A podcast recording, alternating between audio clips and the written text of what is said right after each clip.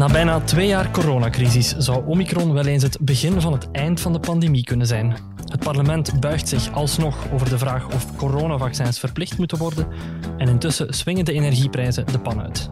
We hebben het erover in deze gloednieuwe podcast van de morgen. Welkom bij Lopende Zaken.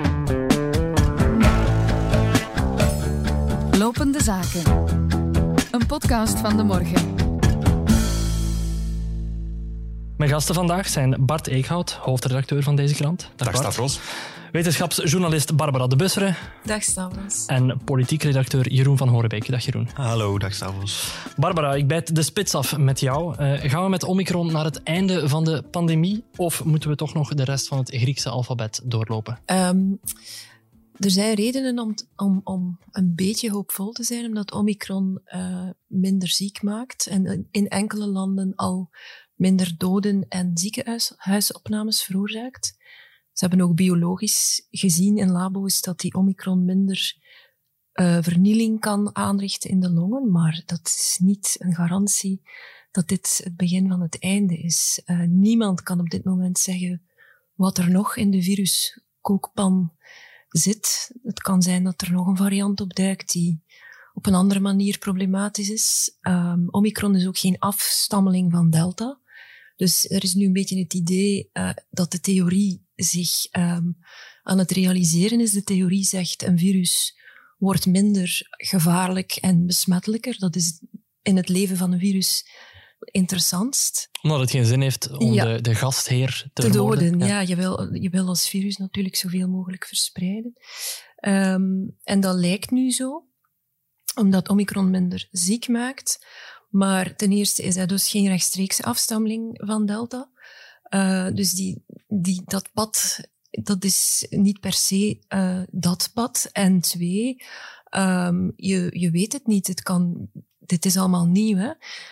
De kans is groot dat de theorie werkelijkheid wordt, maar wanneer dat zal zijn en of dat nu al met deze variant zo is, kan je niet 100% zeker garanderen. Niemand kan dat. Een van de grote vragen is, eh, Delta is, uh, of ik zal het anders zeggen, Omicron is minder ziekmakend dan Delta, besmettelijker dan Delta ook. De vraag is dan, houden die twee elkaar in evenwicht? Of is Omicron een beetje minder ziekmakend en veel besmettelijker, wat niet noodzakelijk ideaal zal zijn? Ja, ik heb um, nog eens bekeken en ja, je, de hoop is van de virologen dat Omicron Delta volledig wegdrukt.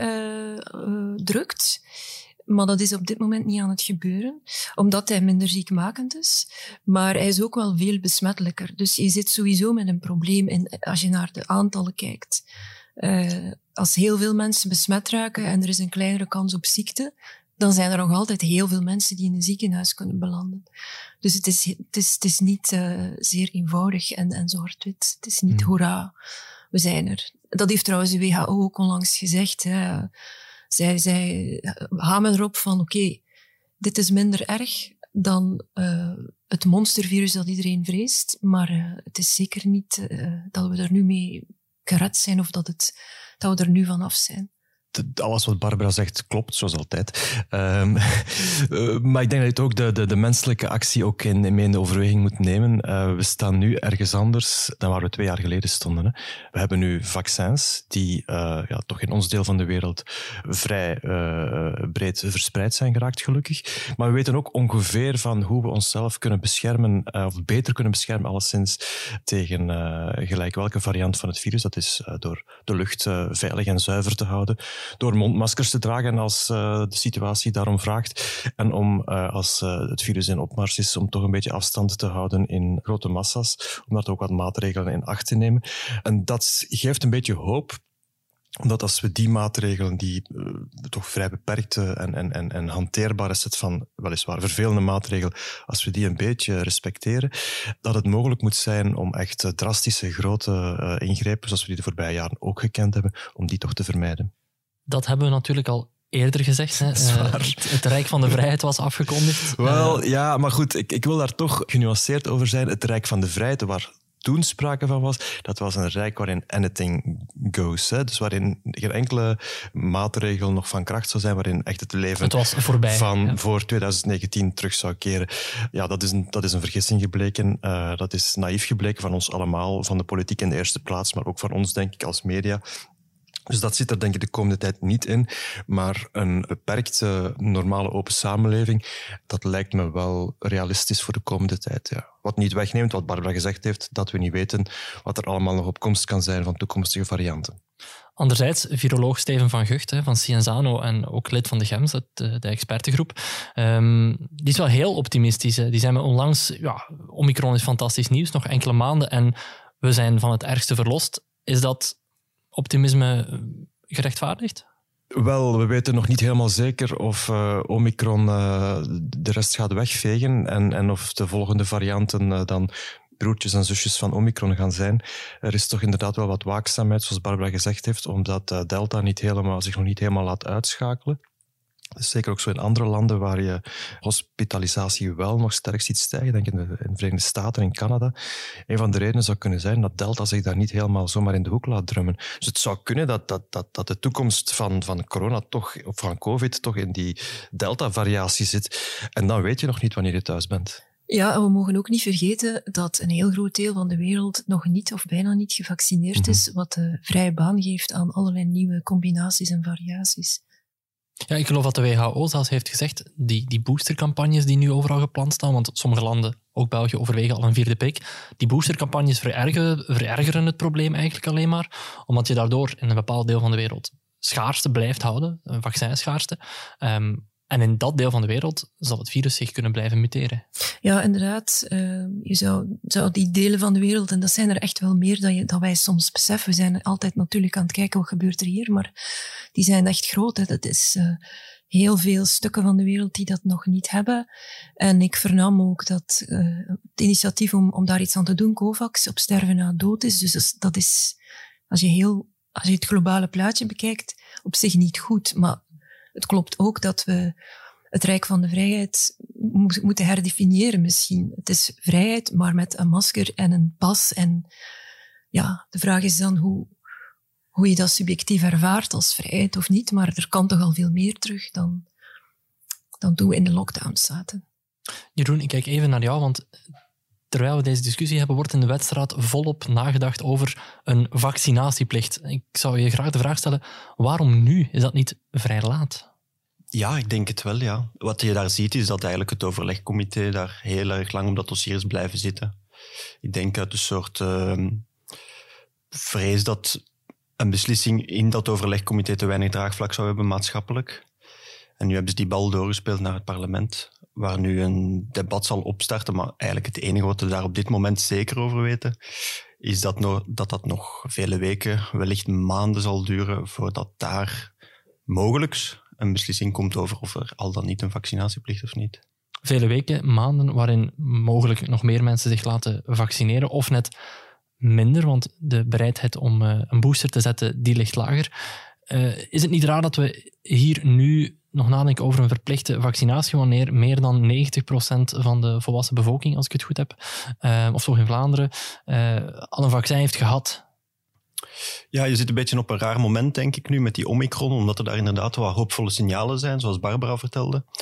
Dus dat maakt ook dat er een aantal politieke partijen zijn die bijvoorbeeld, ik denk bijvoorbeeld aan de Groenen, waar je zag de voorbije weken dat zij begonnen te neigen toch naar die vaccinatieplicht, wat intern bij hen heel erg moeilijk ligt. Um, Waarom?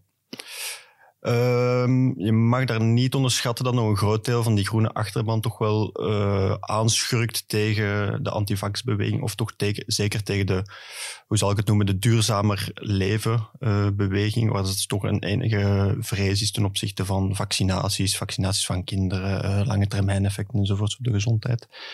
Je zag daar de voorbije weken dat er daar toch wel bewogen werd in de richting van een mogelijke vaccinatieplicht. Maar nu met Omicron zie je dat er een soort uh, recul is. Zeker van, vanuit ecolo heb ik het gevoel. En dat men daar toch wat op de rem staat. Dus bijvoorbeeld als het gaat over die discussie in het parlement, daar, is nog heel erg ver, daar zijn nog heel erg ver van een consensus. Uh, je hebt daar de, de socialisten en de liberalen dan toch zeker Open VLD, die wel pleiten voor zo'n vaccinatiebewijs, wat eigenlijk de, de praktisch haalbare vorm is van een vaccinatieplicht. Eh, CD&V denkt ook in die richting, maar dan zit je bijvoorbeeld met de Groenen en ook met MR, die dan nog heel erg op het standpunt staan dat zo'n plicht eigenlijk uh, te ver gaat qua dwang van een bevolking. Dus ja, de vraag is daar maar of daar iets zal uitkomen. Uh, we zullen dat weten richting de krokusvakantie. Dan zal duidelijk zijn of er daar een consensus kan groeien binnen de meerderheid, want daar zal het uiteindelijk om gaan, blijft partijpolitiek. En dan zijn we eigenlijk al richting Pasen aan het denken voor echt een, een beslissing. Dus dan zijn we al uh, ja, drie, vier maanden verder. Wie weet waar we dan zitten in die pandemie. Ja, dat, uh, dat is nog wel even. Er doen in de wedstrijd wel heel veel verschillende voorstellen, heel veel alternatieven erom. Hè. Een vaccinplicht, een coronacertificaat, een 1G-CST. Zijn dat allemaal variaties op hetzelfde thema? Uh, ja, ik denk dat het een soort ideologische terminologie is voor hetzelfde. Enfin, dus ehm, Eigenlijk komt het erop neer dat uh, iedereen beseft dat het, de verplichte vaccinatie uh, pur sang, zal ik zeggen, dus mensen echt gaan uh, vastbinden, zoals Alexander de Croo, de premier, het vaak zei, en een prik toedelen, toedienen. Ja, dat dat onhaalbaar is. Hè. Dat is bij polio voor kinderen kan je dat doen, omdat, die, omdat kinderen natuurlijk nog zelf geen... Alleen daar nog zelf niet toe in staat zijn om tegen te spartelen. Maar uh, bij volwassenen gaat dat gewoon niet. Dus als je dan kijkt naar wat is haalbaar uh, als vorm van verplichte vaccinatie, ja, dan kom je uit bij 1G, bij vaccinatiebewijs. Dat is ook hetgeen waar je nu ziet dat het coronacommissariaat uh, op aanstuurt. Dus zij noemen het dan een vaccinatiecertificaat, denk ik.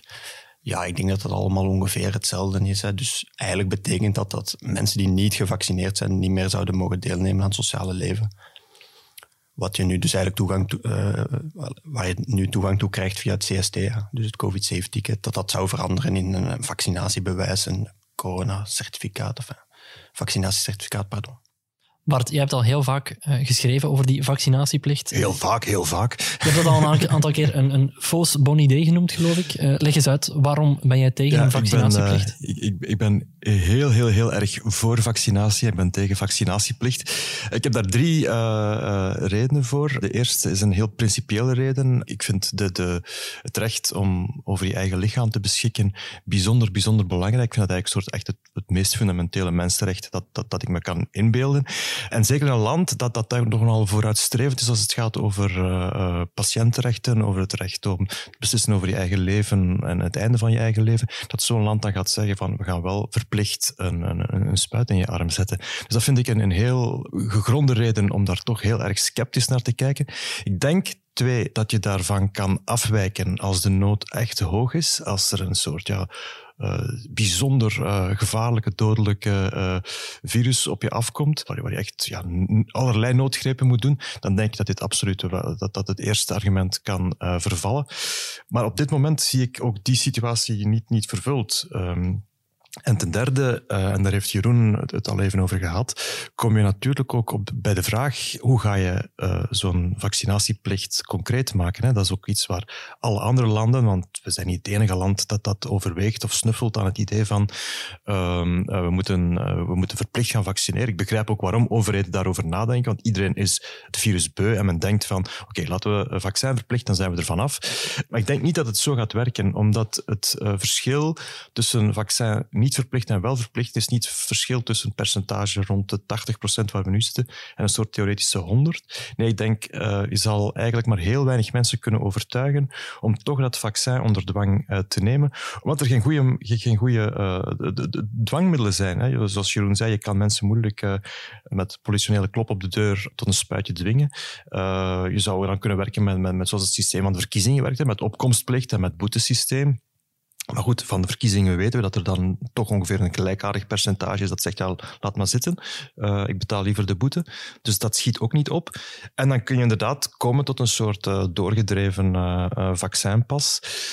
maar dan denk ik dat dat de kwaal misschien wel eens erger is dan de remedie, omdat dan eigenlijk ga je toch echt naar een systeem waarin, waarin uh, solidariteit en een soort uh, vrije samenleving wordt opgegeven voor eigenlijk een toch vrij beperkte maatschappelijke winst. Namelijk dat je dan misschien enkele percent of procentpunten extra mensen kunt vaccineren en beschermen. Maar dat, je dan, dat dat dan ten koste gaat van, van, van toch een, een, een diepe kloof in de samenleving, waarbij je ook aan de andere kant van de kloof zegt maar een aantal mensen gaat krijgen die eigenlijk zich solidair gaan opstellen met de weigeraars uh, ja, uit principe. Ik, volg Bart zijn argumenten, uh, maar waar ik persoonlijk, en dat is dan misschien de doemdenker een beetje in mij, een beetje voor bevreesd ben, is dat we nu die discussie over een vaccinatieplicht gaan laten liggen. Ook omwille van Omicron, omwille van die uh, ja, goede signalen, positieve signalen. Dat, er, dat er eigenlijk geen beslissing zal genomen worden in het parlement daar rond. Dat we naar een lente en een zomer gaan waarin corona sowieso hè, de neiging heeft om toch een beetje te milderen.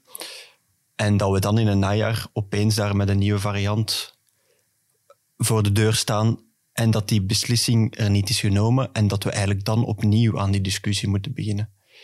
Dat is een beetje waar ik, waar ik zelf aan denk van, oei, dat zou toch niet voorvallen. Is dat niet vreemd? Hebben ze niet nu net de ruimte? Want het is een ingewikkeld debat om die tijd nu te nemen uh, tegen dat het mhm. weer zou nodig ja, zijn? Ja, maar ik denk dat politiek zo niet werkt, zijnde dat er te veel twijfel is, politiek, om op een moment dat eigenlijk uh, er geen hoge dringendheid is voor zo'n vaccinplicht, denk ik niet dat dat er politiek zal doorgaan. De crisis moet voor de deur staan. Uh, ja, wat meteen ook het grote probleem is, denk ik. Maar, dat, ja, maar ik, ik ben geen politicus uh, of politiek redacteur. Ik vind het vreemd om te proberen begrijpen dat men altijd zegt, en je hebt dat in deze crisis al vaak gehad, we hebben de tijd niet om uh, het allemaal parlementaire uit te klaren. We nemen beslissingen omdat we in een crisis zitten. Nu heb je eigenlijk in theorie, zoals je zegt, een lente, omicron, het lijkt wat, wat minder uh, uh, dramatisch om, om net dan wel die debatten te voeren. Dat is toch een beetje een luxe dan, die je nu wel hebt. Waarom zou je die niet opnemen? Ja, ik denk dat we daar al een paar keer geen gebruik van gemaakt hebben. Ik denk dan bijvoorbeeld aan het ventileren van de klaslokalen, waar we nu ja, uh, anno uh, 2022 opeens uh, vol een bak voor gaan. Ja, terwijl dat, hoe lang zijn we daar nu eigenlijk al over aan het praten? Dus ja, ja ik, ik denk dat je punt hebt, Barbara, uh, dat er daar op bepaalde momenten in corona-luwe tijden te veel tijd is verloren door de politiek om te werken op, het, op de achtergrond, op de zaken waar we nu van weten dat ze heel erg belangrijk zijn om die circulatie van het virus terug te brengen. Is dat een typisch Belgisch probleem? Om een, om een ander voorbeeld te noemen. De, de, sluiting van de kerncentrales is lang geleden beslist, maar is eigenlijk pas concreet gemaakt uh, wanneer de sluiting van de kerncentrales echt voor de deur stond. Daar heb ik niet zo meteen een pasklaar antwoord op, maar ik denk wel dat het ja, bijna ingebakken is in ons politiek systeem. Ik kan dat moeilijk vergelijken met andere landen, maar ja, de vaststelling is wel dat bij ons dan moeilijke beslissingen, dat daar met de voeten wordt gesleurd. Hè. Uh, ik denk aan stikstof bijvoorbeeld in Vlaanderen. Ik denk aan de betonstop, wat dat je nu de bouwshift moet noemen.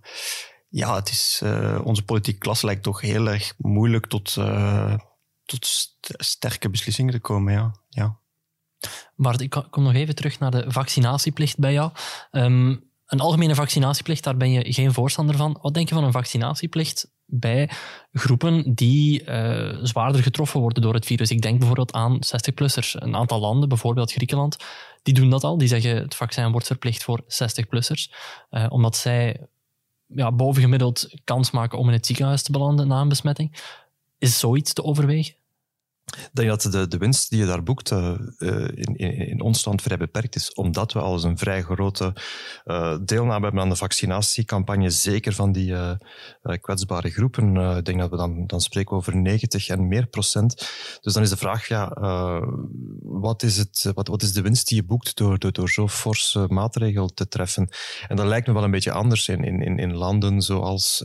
ik begrijp waarom bijvoorbeeld een land als Oostenrijk, eigenlijk als eerste in de EU, echt heeft zich geëngageerd voor vaccinatieplicht. Dat land heeft eigenlijk, eh, hinkt achterop in, in, in vaccinatiebereidheid. Dat is bij ons helemaal anders. Ja, het is ook interessant om als je de geschiedenis van vaccinatieplicht bekijkt. En het belangrijkste argument om dat te doen is wat Bart zegt, een falende campagne. Een, een falende, maar het is moeilijk hard te maken dat onze campagne echt faalt. Hm. Zeker Vlaanderen. Enfin, ja, over het algemeen gezien ja. heeft België best wel een succesvolle vaccinatie achter ja, de rug. Dus... Maar als we, als we het zonder vaccinatieplicht doen, wat zijn dan de alternatieven? Wat, waar moeten we dan wel meer op inzetten om hier heel huids door te komen? Want Omicron lijkt milder, uh, maar we zijn er wel nog niet uit wat ik al een paar keer gezegd heb. Hè. Dus er is die, uh, die set van maatregelen die we ondertussen toch wel stilletjes uit het hoofd zouden mogen kennen. Maar ik denk ook wel dat je uh, uh, nog eens goed kan identificeren wie zijn nu die groepen die blijven weigeren om zich te vaccineren. Dat zijn niet allemaal wappies. Dat zijn niet allemaal mensen die uh, gaan betogen elke week in Brussel om uh, uh, ruzie te maken met, met de politie. Er zijn heel veel, bijvoorbeeld in Brussel, dan gaat het over, heel veel jonge mensen die een, ja, moet ik zeggen, een, een, een, een heel milde variant van, van antivax hebben, die je best wel kunt overtuigen als je, dat, als je daar echt een beetje op doorduwt. Ik blijf bijvoorbeeld niet begrijpen waarom we de scholen niet durven inzetten voor vaccinatiecampagnes. Ik bedoel, ik heb dat niet over de lagere scholen, ik heb het over de secundaire scholen.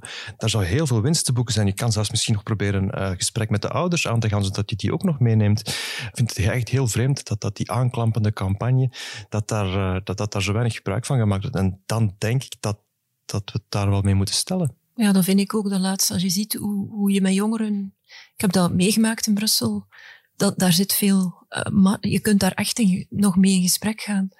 Op scholen is dat trouwens een ideaal thema. Ik bedoel, alles komt daarin samen, politiek, maatschappij, biologie. Uh, dus uh, daar zit echt een kans.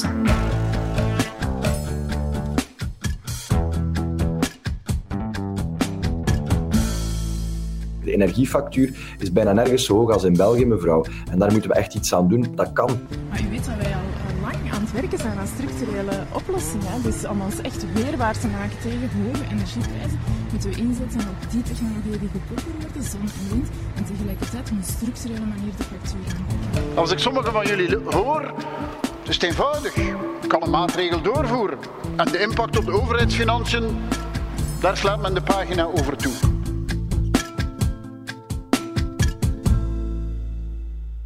We moeten het ook nog even hebben over een, een ander gevolg van de coronacrisis.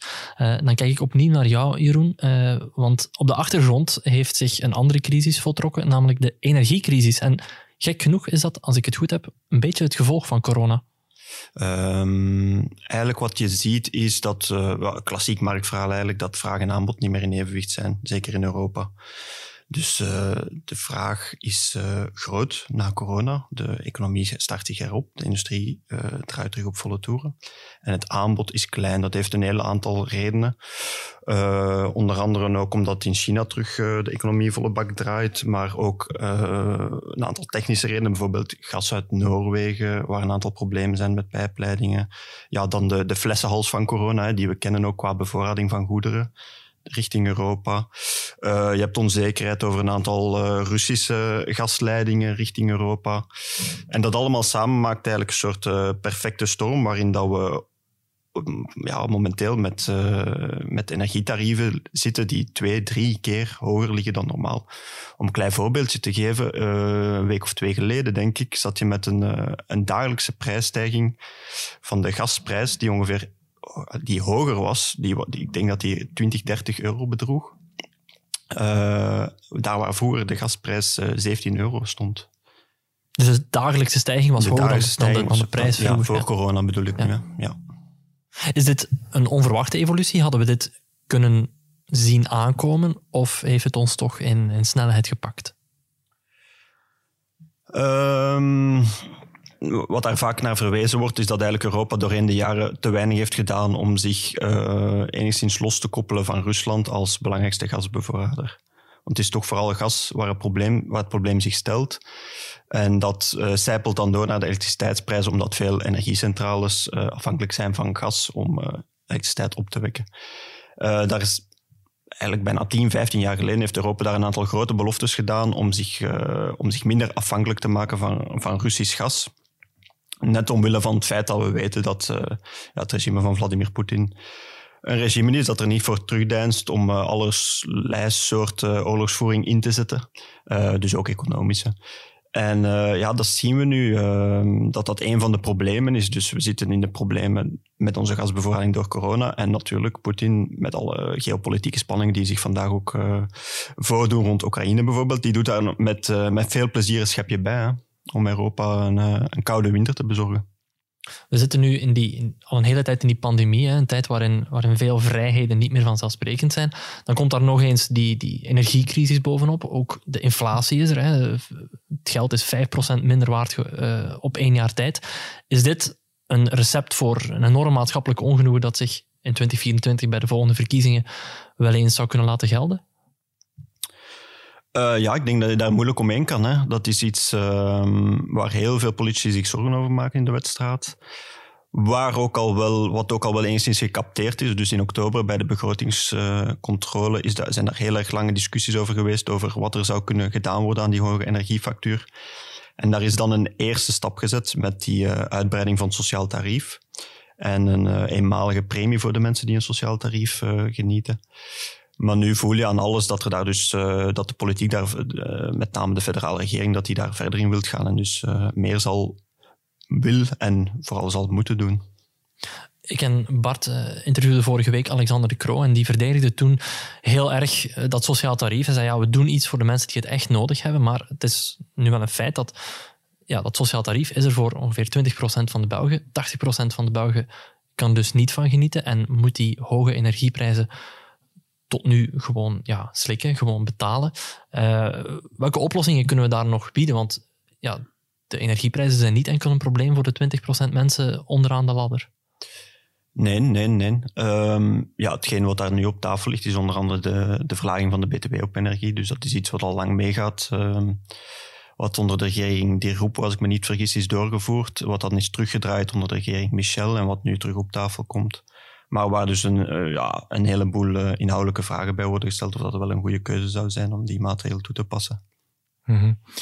Ja, ik ben het er wel mee eens. Um, ik ben um, ook, behalve dat ik niet voor vakcijnplicht ben, ben ik ook niet zo geweldig voor een algemene btw-verlaging. Ik ben weer geweldig impopulair aan het maken vandaag.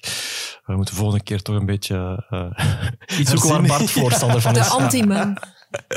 Uh, nee, maar ik vind het, het, kost gewoon heel veel geld. En, en, en, en, een groot deel van dat geld komt dan toch terecht op plekken waar het misschien niet zo nuttig is. Hè. Wat ik, zoals ik het zei, van ja, um, het is natuurlijk heel belangrijk dat we ervoor zorgen dat de mensen die in een tochtig appartementje moeten proberen uh, met één uh, inkomen en een gezin te onderhouden, dat we proberen te vermijden dat die mensen in, in de kou moeten gaan zitten. Dat, dat, dat, dat moet absoluut vermeden worden. Maar het is iets anders natuurlijk dat, dat, dat, dat mensen klagen omdat de kosten van hun jacuzzi of van van hun, hun, wintertuin uh, niet meer betaald kan worden. Dan denk ik van ja, misschien moet je dan toch even zeggen, ja, jammer, maar dan, dan nu even een maand niet in de jacuzzi. Dus ik denk dat, dat, dat je dat, dat verschil toch wel moet blijven zien, dat je dat toch moet proberen dat al dat overheidsgeld probeert zo doelmatig mogelijk te blijven inzetten. En dan lijkt het mij inderdaad nuttiger om met een uh, ruim hart te kijken naar die grens. Die is bepaald van wanneer mag je van een sociaal tarief uh, gebruik maken. Um, en, en dat die grens misschien een beetje moet opgetrokken worden. Wat mij enigszins verbaast, en het zou mij misschien als journalist niet mogen verbazen, is in heel veel van de getuigenissen van mensen die in de problemen komen, blijkt hoe slecht het gesteld is met de kwaliteit van hun huizen, met de kwaliteit van hun verwarming, uh, met de kwaliteit van, van, van hun uh, stroomnetwerk.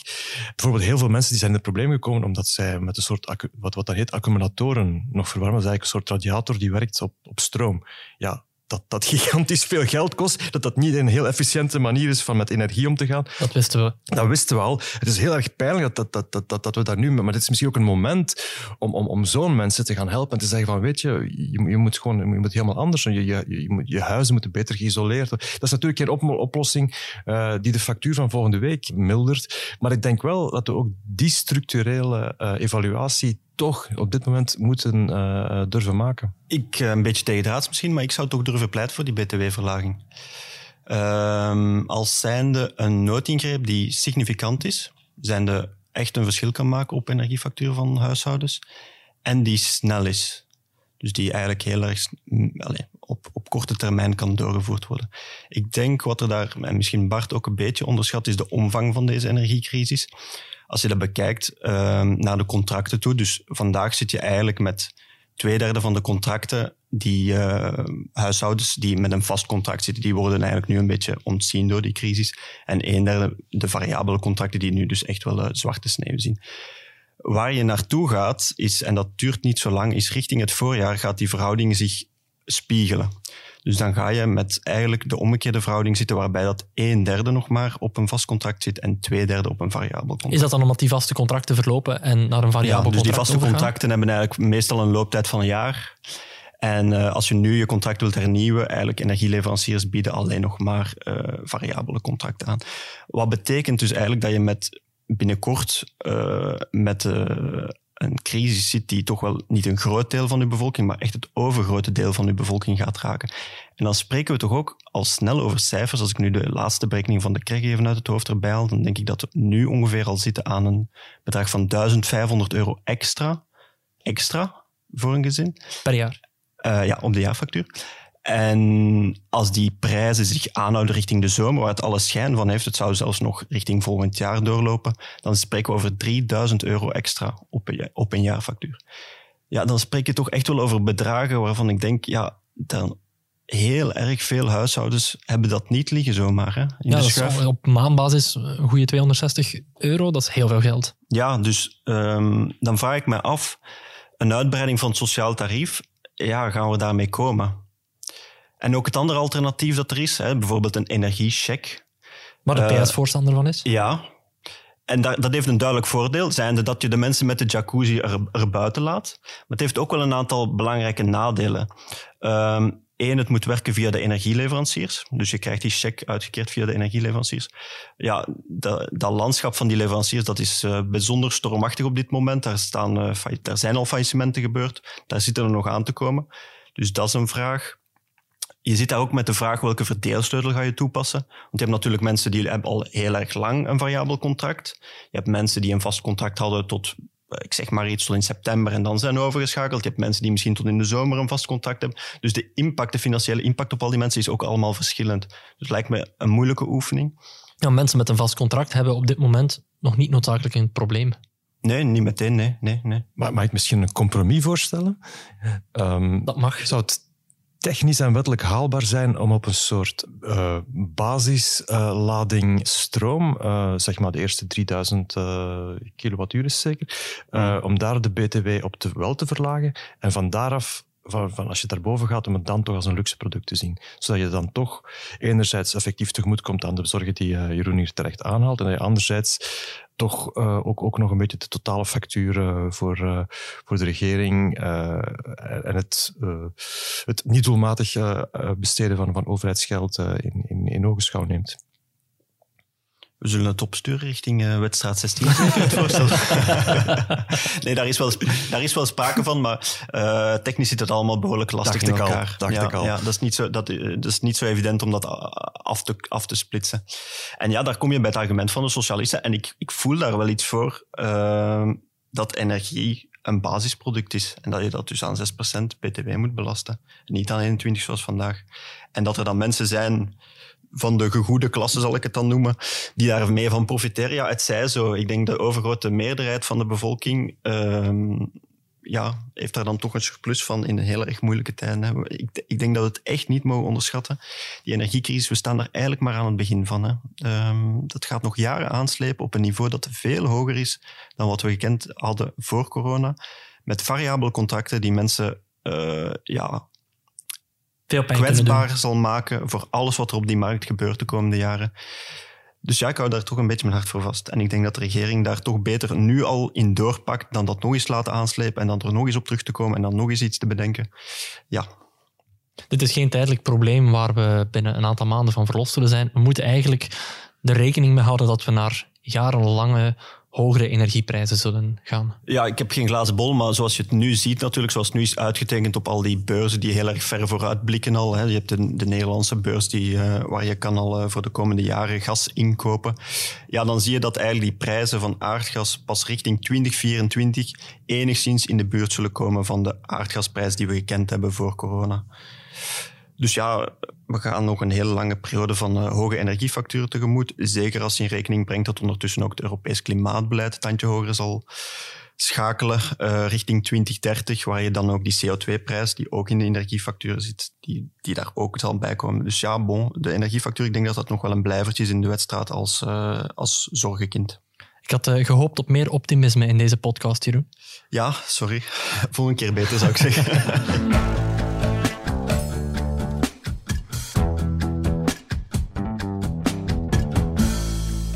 Dans vos chansons, vous parlez aussi beaucoup de solitude. Est-ce que la musique vous a aidé à vous en libérer? Je suis pas tout seul à être tout seul. Ça fait déjà ça de moins dans la tête. Ik heb helaas nog uh, slecht nieuws. Uh, een teleurstelling, want ik had een speciale gast uitgenodigd voor deze eerste aflevering, maar Stromae was al bezet. Vinden we dat jammer? Nee, ik zal nu een liedje zingen om uh, het redactionele verdriet te verwoorden. Ik vrees dat we dat zullen moeten knippen, Bart, wegens tijdgebrek.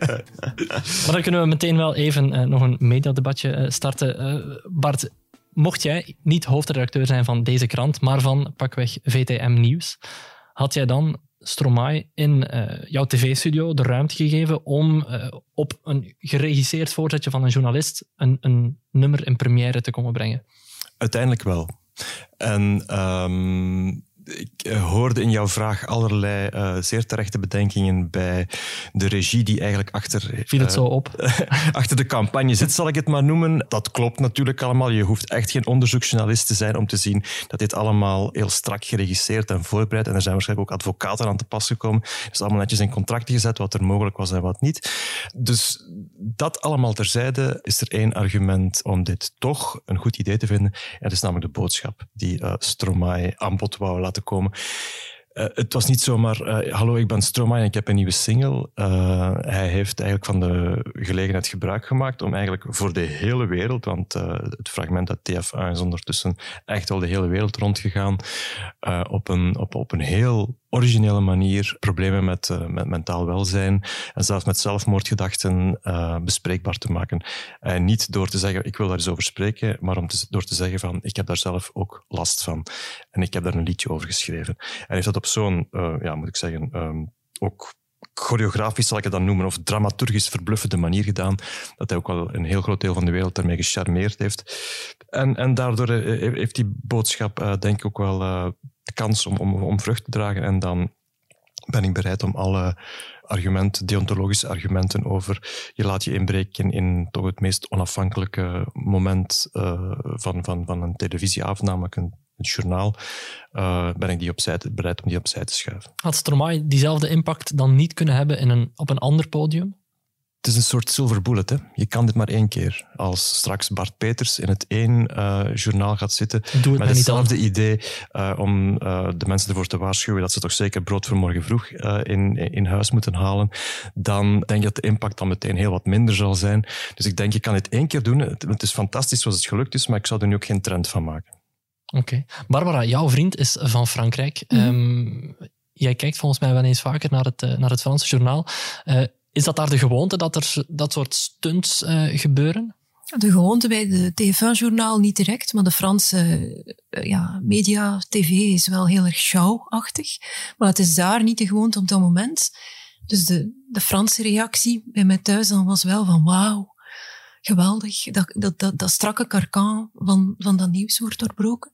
Terwijl mijn reactie ook eens was van oei, het is heel uh, vergaand, maar ik ben het wel eens met, met Bart. Um, en, en de Fransen hebben natuurlijk door dat, dat acht uur nieuws ook altijd, zoals wij hier ook, uh, altijd maar de coronagrafieken en het, de ellende. Dus het gaf meteen bij veel mensen um, spontaan een gevoel van, ah, is, is iets, is iets uh, om ons aan op te trekken, iets leuk, iets charmant, iets wat ons verra blij verrast. Los van het punt dat Bart maakt, wat ik heel valide vind, dat het inhoudelijk gewoonweg uh, een heel terecht punt is. Ik mag concluderen, het weer is niet alleen beter in Frankrijk, de journaals zijn er ook leuker. Exact. Ja, voilà. Uh, daarmee zit onze tijd er weer op. Er moet nog een krant gemaakt worden vandaag. Ik dank mijn gasten Bart, Barbara en Jeroen. En uiteraard ook de luisteraar. Bedankt om naar ons te luisteren. Volgende week vrijdag zijn we er opnieuw. Wil je reageren? Dan horen we je graag op podcasts.demorgen.be. Ik ben Stavros Keripouris. Dit was Lopende Zaken. Tot volgende week. Dit was Lopende Zaken, een podcast van de morgen.